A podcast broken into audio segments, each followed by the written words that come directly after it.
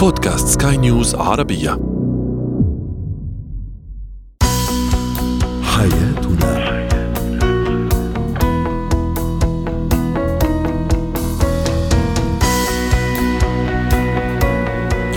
مستمعينا الكرام أهلا بكم. معنا إلى حياتنا فضاؤكم اليومي الذي يعنى بشؤون الأسرة وباقي الشؤون الحياتية الأخرى.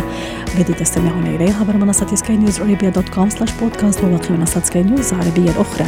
معي أنا أمان شاب. نتحدث اليوم عن التجاهل لكن بين الزوجين بين الشريكين. الشريك الذي يتجاهل يتجاهل شريكه كأسلوب وطريقة حياة وعيش بينهما.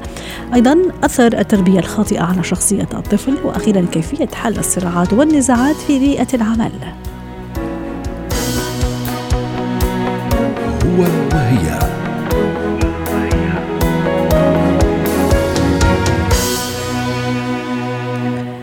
أحيانا قد يستخدم التجاهل كطريقة للتغاضي للتغافل لتجاوز أيضا المشاكل ولعدم جعل المشاكل تتفاقم أكثر فأكثر. هو أسلوب جيد في بعض الأحيان وإذا كان هدفه إيجابي والغرض منه إيجابي. لكن ماذا إذا كان أسلوب حياة بين الزوج وزوجته وبين الزوجة وزوجها؟ الشريك الذي يتعمد تجاهل شريكه. للحديث عن هذا الموضوع تنضم إلينا عبر الهاتف من بيروت الخبيرة النفسية والأسرية كريم ايليا يسعد أوقاتك دكتورة كريم اولا في سبب يخلي أي شريك يتجاهل شريكه على طول ويخليه أو يجعل هذا التجاهل أسلوب حياة بيناتهم؟ هلا التجاهل ممكن يكون له عدة أشكال، شكل من هالأشكال هو عدم الاهتمام الحقيقي بالآخر يعني غياب الحب، غياب الانفعالات والعاطفة تجاه الشريك الآخر، وفي احتمال ثاني هالتجاهل يكون ناتج عن طبيعة شخصية يلي بتكون باسف، بتكون شخصية هيك سلبية غير غير متفاعلة مع الانفعالات والمواقف وغيرها. هلا مثل ما حضرتك ذكرتي بالمقدمة أحيانا هيدا النوع من التجاهل قد يخلق إيجابية عند الأشخاص لأنه منوفر مشكل كبير بين اثنين وقت يكونوا عم يتشارعوا أو عم بيت يعني يصير في خلاف. يتناقشوا. وقت شخص هون ما بنسميها تجاهل بقدر ما بنسميها يمكن. تغاضي تغافل أسلوب ذكي للتعامل.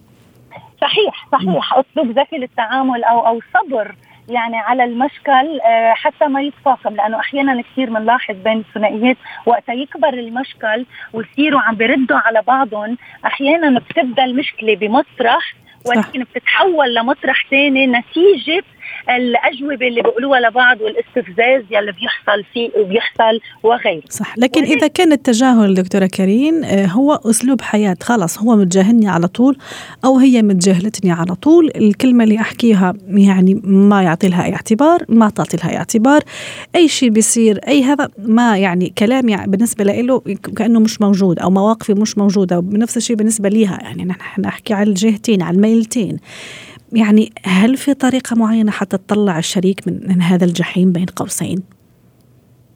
آه إذا بقول لك شغلة يمكن يتفاجئوا المستمعين م. نصيحتي الأولى والأساسية لهم إذا هيدا التجاهل كشفوه ببداية العلاقة قبل الارتباط وقبل الزواج ما يكفوا بالعلاقة ما يكفوا بالارتباط ولا بالزواج لأنه ببداية العلاقة أكثر فترة هن الشريكين بيكونوا آه عم يظهروا الود والحب والاهتمام لبعضهم. إذا بهيدي المرحلة الشريك أبدى هالتجاهل وعدم الاهتمام بعد فترة وقت العلاقة تتغير شكلها آآ آآ يصير فيها أكثر انتيميتي يصير فيها أكثر تقرب و حميمية وتقارب صحيح والتف... والتفاصيل الحياتية اليومية هون رح يصير هال هالتجاهل رح يصير مشكل كبير بين الثنائي. وبس يصير مشكل كبير بصير في فرستريشن يعني بصير فيها الاحباطات عند الشريك الآخر بصير في خلافات الدائمة وبتتحول العلاقة إلى جحيم يومي بيدخل بالتفاصيل اليومية للحياة. لهالسبب إذا هيدا التجاهل آه بيرصدوه ببداية العلاقة ما يكفوا ما يكفوا لأنه إذا الآخر ما أخذ قرار يغير من تلقاء نفسه ما حس بالحاجة والرغبة والرغبة للتغيير شريكه ما بيقدر يغيره وهيدي صاروا يعرفوها المستمعين ما حدا بيقدر يغير حدا. أحيانا يقول لك يعني دواء التجاهل هو تجاهل يعني إذا تجاهلني راح أتجاهله إذا تجاهلتني راح اتجاهلها هل هذه طريقة تأتي أكلها ولا لا؟ بالعكس يعني تخلي الحياة أيضا فيها مشاكل أكثر وممكن يعني تروح لمنزلق آخر. أنا قصدي حضرتك تحدثتي عن نقطة مهمة يعني إذا اكتشفت أنا هذا الصفة المش جيدة في الشريك أو الشريكة لازم يعني آخذ قرار أني أتركه قبل الارتباط. لكن في حالة ما خلاص أنا ارتبطت وصار عندي زوجة وصارت عندي زوجة واكتشفت إنه خلاص هذا طبعها وهذه طبعها. كيف أتعامل؟ نعم هون أنا بهيدي الحالة لا مش التجاهل بتجاوب قباله بتجاهل آخر لأنه كمان هون بنكون عم نفاقم المشكل ونعزز الخلافات. ولكن وقت يكون في تجاهل من شريكي وأنا بمطرح من المطارح اللي بقدر أعمله تساعد نفسي هو خفف انتظاراتي من شريكي. هيدي النقطة الأساسية يلي أكثر شيء أنا بتقدر تحميني من النقص يلي عم بقدمه أو من الحاجات يلي بدي إياها منه وهو غير غير مبالي لها النقطة الأساسية اللي بقدر أعملها ما بقعد بنتظر منه ووقت اللي ما بقعد بنتظر آه، بتخف عندي هال هالغضبية بتخف عندي الانفعالية والعصبية تجاه كل المشاكل يلي هو عم يعملها أو هالتجاهل وغيره. إذا أنا إذا هو عم يتجاهلني أنا عم رد له التجاهل.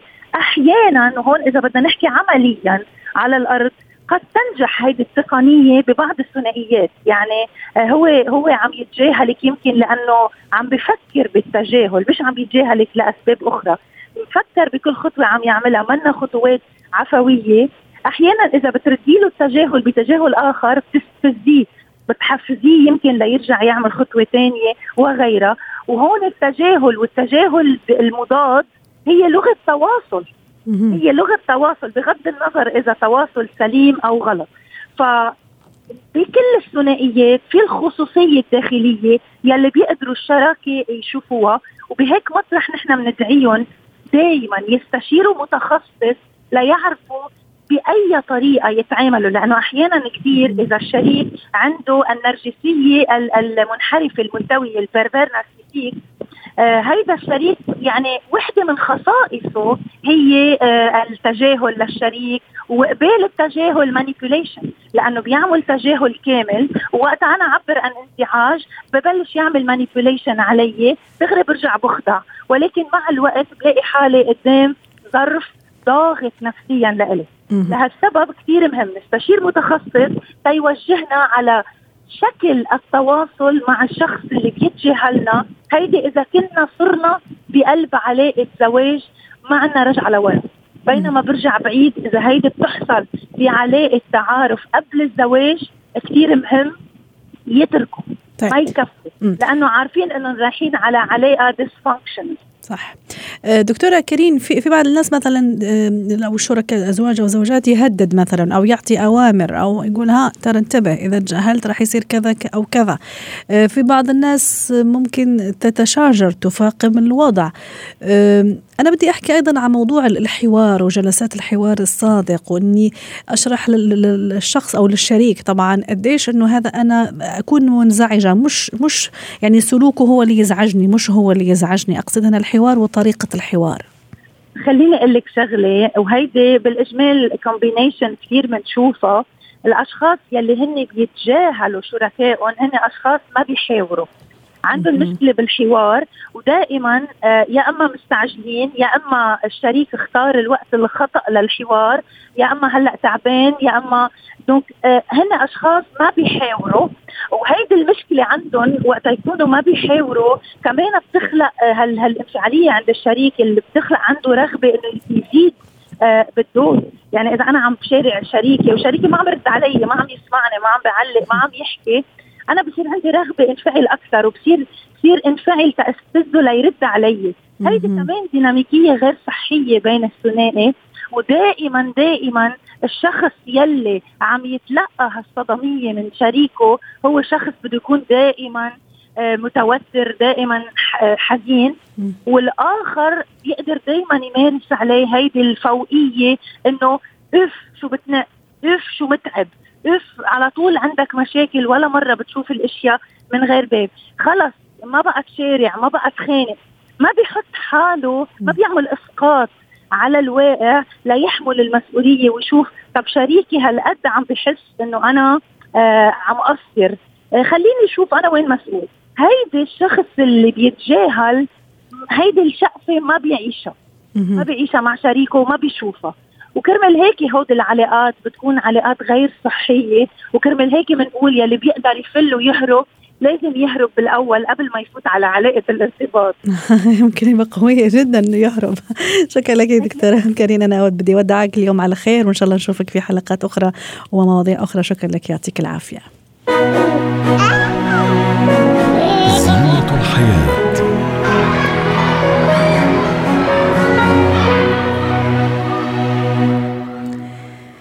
اليوم سنتحدث عن أثر التربية الخاطئة على شخصية أطفالنا، أكيد كل واحد منا آه، يعني يسعى جاهدا كأب أو أم اولياء امور لتربية الطفل تربية صحيحة سليمة آه، تجعل منه في المستقبل شخص سليم ومتوازن ومفيد وصالح في مجتمع، ولكن أحيانا قد نقترف أخطاء ونحن عم نربي ونحن عم ننشئ هذا الطفل من غير ما ندري.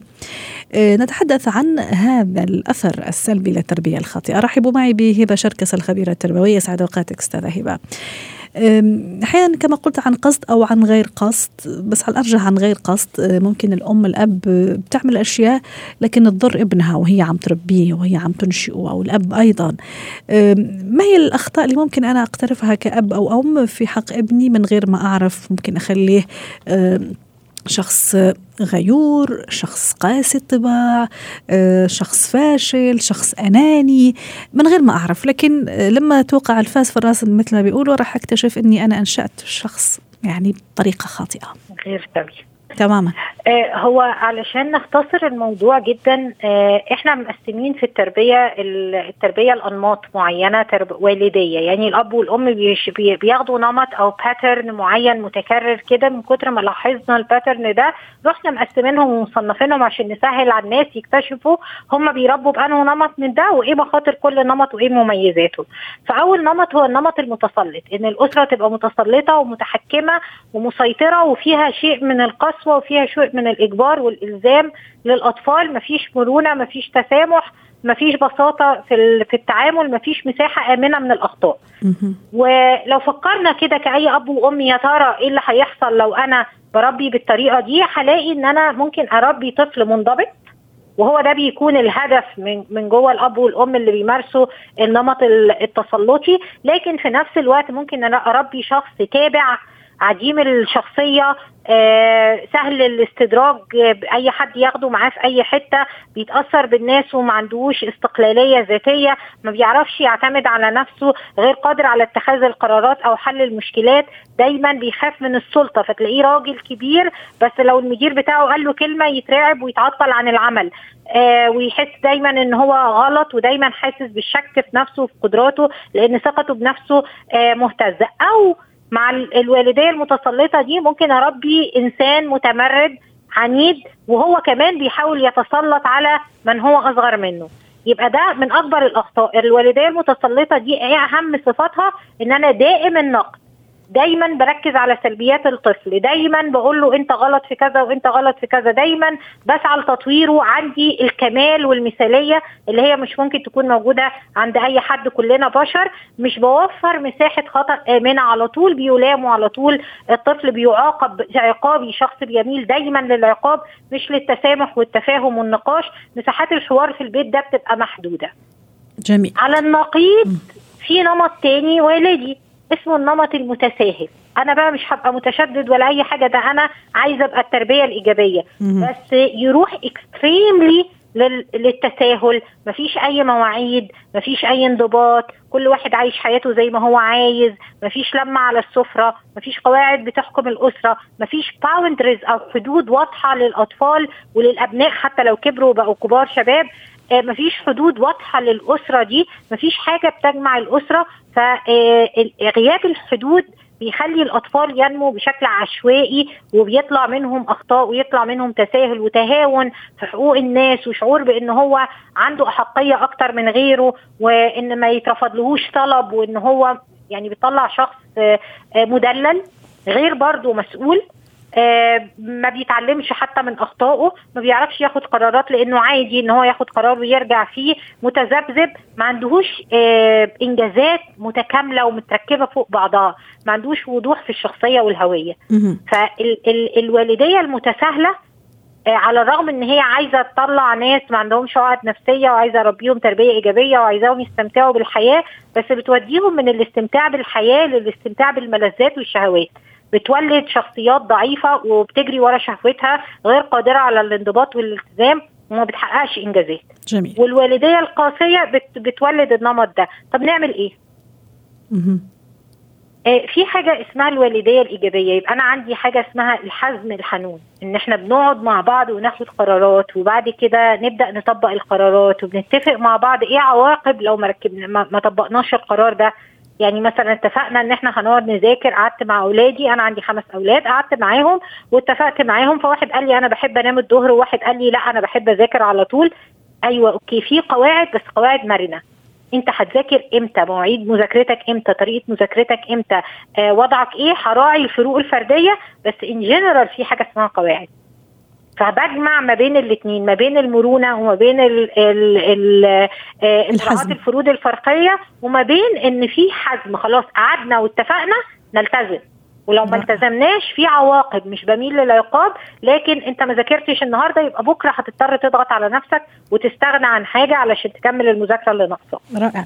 أه ست هبة أيضا أه من بين الأشياء أه ويا ريت تشاركينا نقطة ورأيك في هذا الموضوع من بين أيضا أساليب التربية الخاطئة واللي تأثر على شخصية الطفل إنه أنا كأم ما أكون متفقة مع أبوه أو مع الزوج على طريقة تربية بمعنى أنا أميل لتربية معينة زي ما تفضلتي حضرتك نوع معين من التربية هو يميل لنوع نوع آخر من التربية. فهل يؤثر هذا على شخصيته وعلى تكوينه النفسي والسلوكي مستقبلا؟ أكبر خطأ أو أكبر خطر بيبقى على الأطفال من ازدواجية التربية وازدواجية معايير التربية إن الأطفال بيطلعوا انتهازيين واستغلاليين. تعلموا الانتهازية والاستغلالية. ليه؟ لأن هو بيفهم الطفل ذكي. فبيلقط إن الأم هتوافق على الحاجة الفلانية فهيروح للأم. والأب بيحب الحاجة دي فهيروح للأب. فهخلي الطفل آه، دايما اولا أنا مطلوب مني إن أنا أعلم ولادي إن هم يميزوا بين الصواب والخطأ باسفلي من غير ما يقعدوا يفكروا يبقى واضح كلير في دماغهم فين الغلط وفين الصح. فلما بعمل ازدواجية في التربية بعمل تشوش في النقطة دي وبخلي الطفل يستغل الأم في حاجات ويستغل الأب ويستغل الفجوة اللي ما بين الأب والأم ويوسعها و... ويقع فيها وهيقع فيها. هيقع في مكان واضح. مش آمن بالمرة. واضح. شكرا لك أستاذة هبه شركس الخبيره التربويه ضيفتنا من أبو ظبي. مهارات الحياة.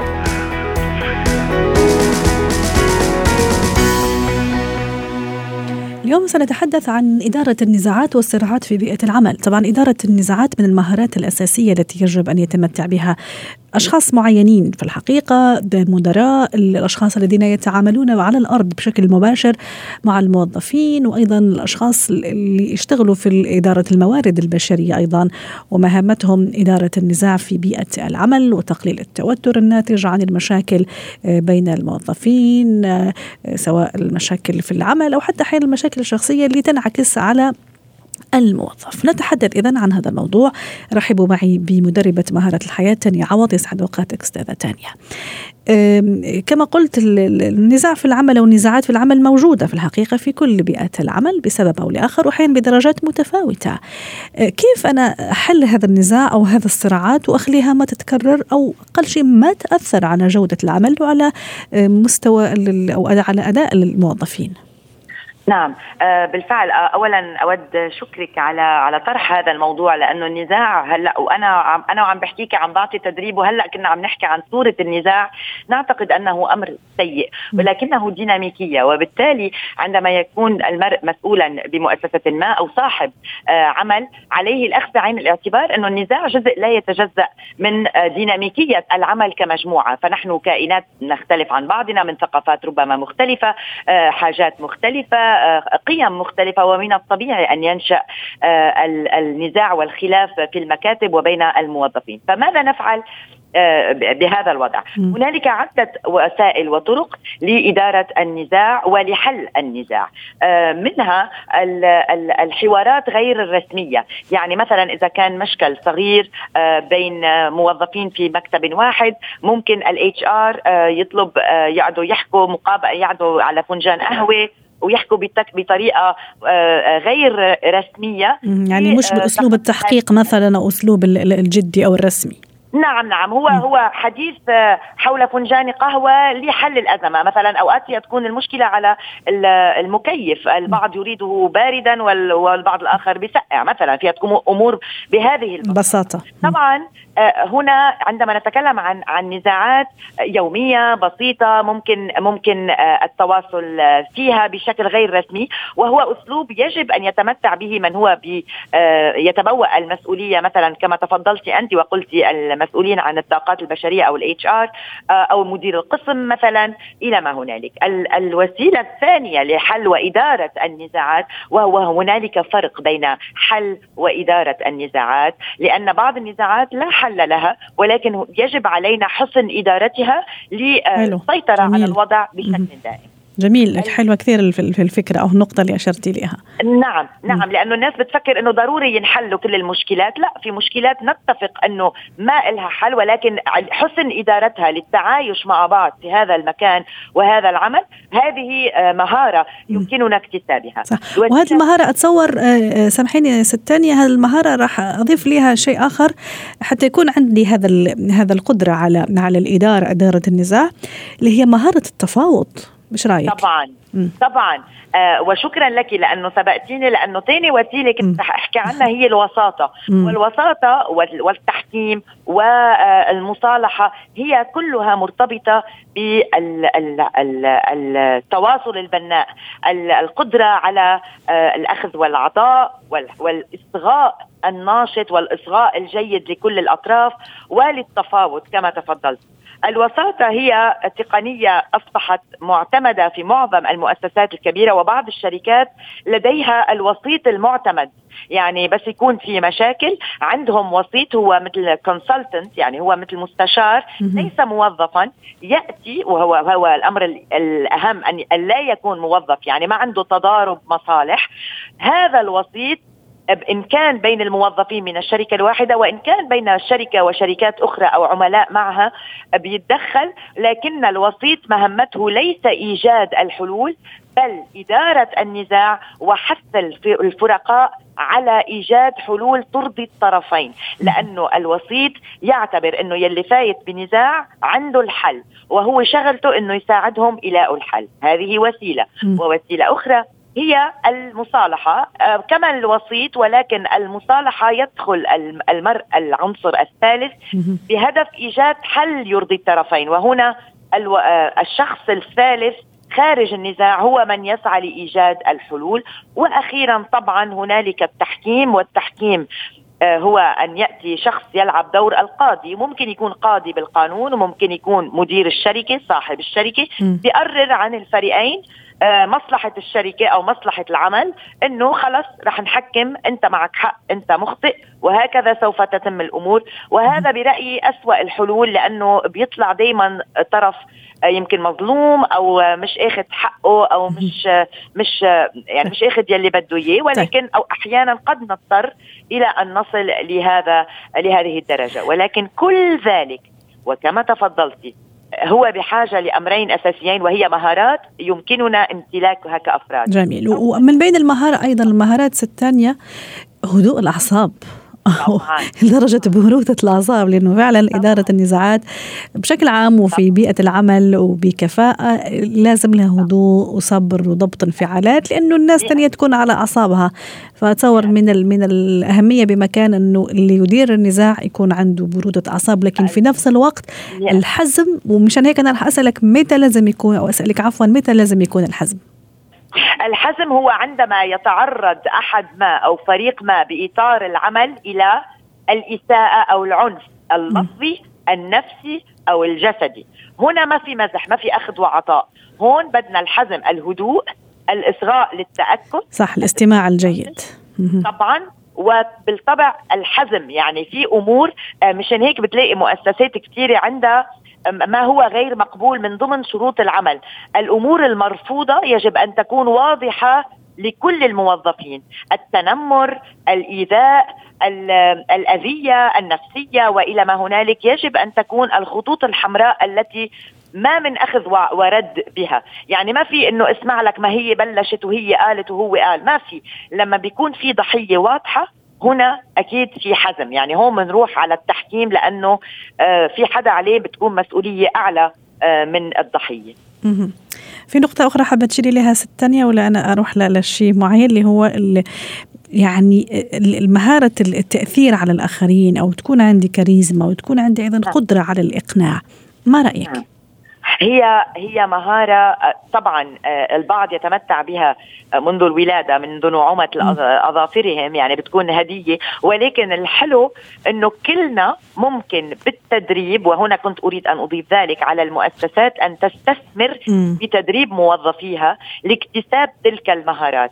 مهارة الحديث آه، أمام الجموع، مهارة الإقناع، مهارة الصدق، مهارة الإصغاء، وهي قدرات تولد معنا، البعض يطورها بشكل آه، عضوي أسرع من الآخر ولكن باستطاعة كل إنسان أن يطورها بذاته من خلال التدريب، وطبعا على المؤسسات وأعتقد أنها تقوم بذلك على آه، إيجاد هؤلاء الأشخاص ضمن موظفيها الذين لديهم هذه القدرات والاستثمار بها لأنه لما بتحز المحظوظية مثل ما بنقول هؤلاء الأشخاص يلعبون الدور البناء وبناء الجسور عند نشوب أي نزاع. وطبعا يمكن تدريب كل الموظفين وبشكل دائم. هذا ما يسمى السوفت المهارات التي يمكن أن يكتسبها نعم. كل موظفي الشركات. شكرا لك مدربة مهارة الحياة تانية عوض غرة. كنت معنا من بيروت.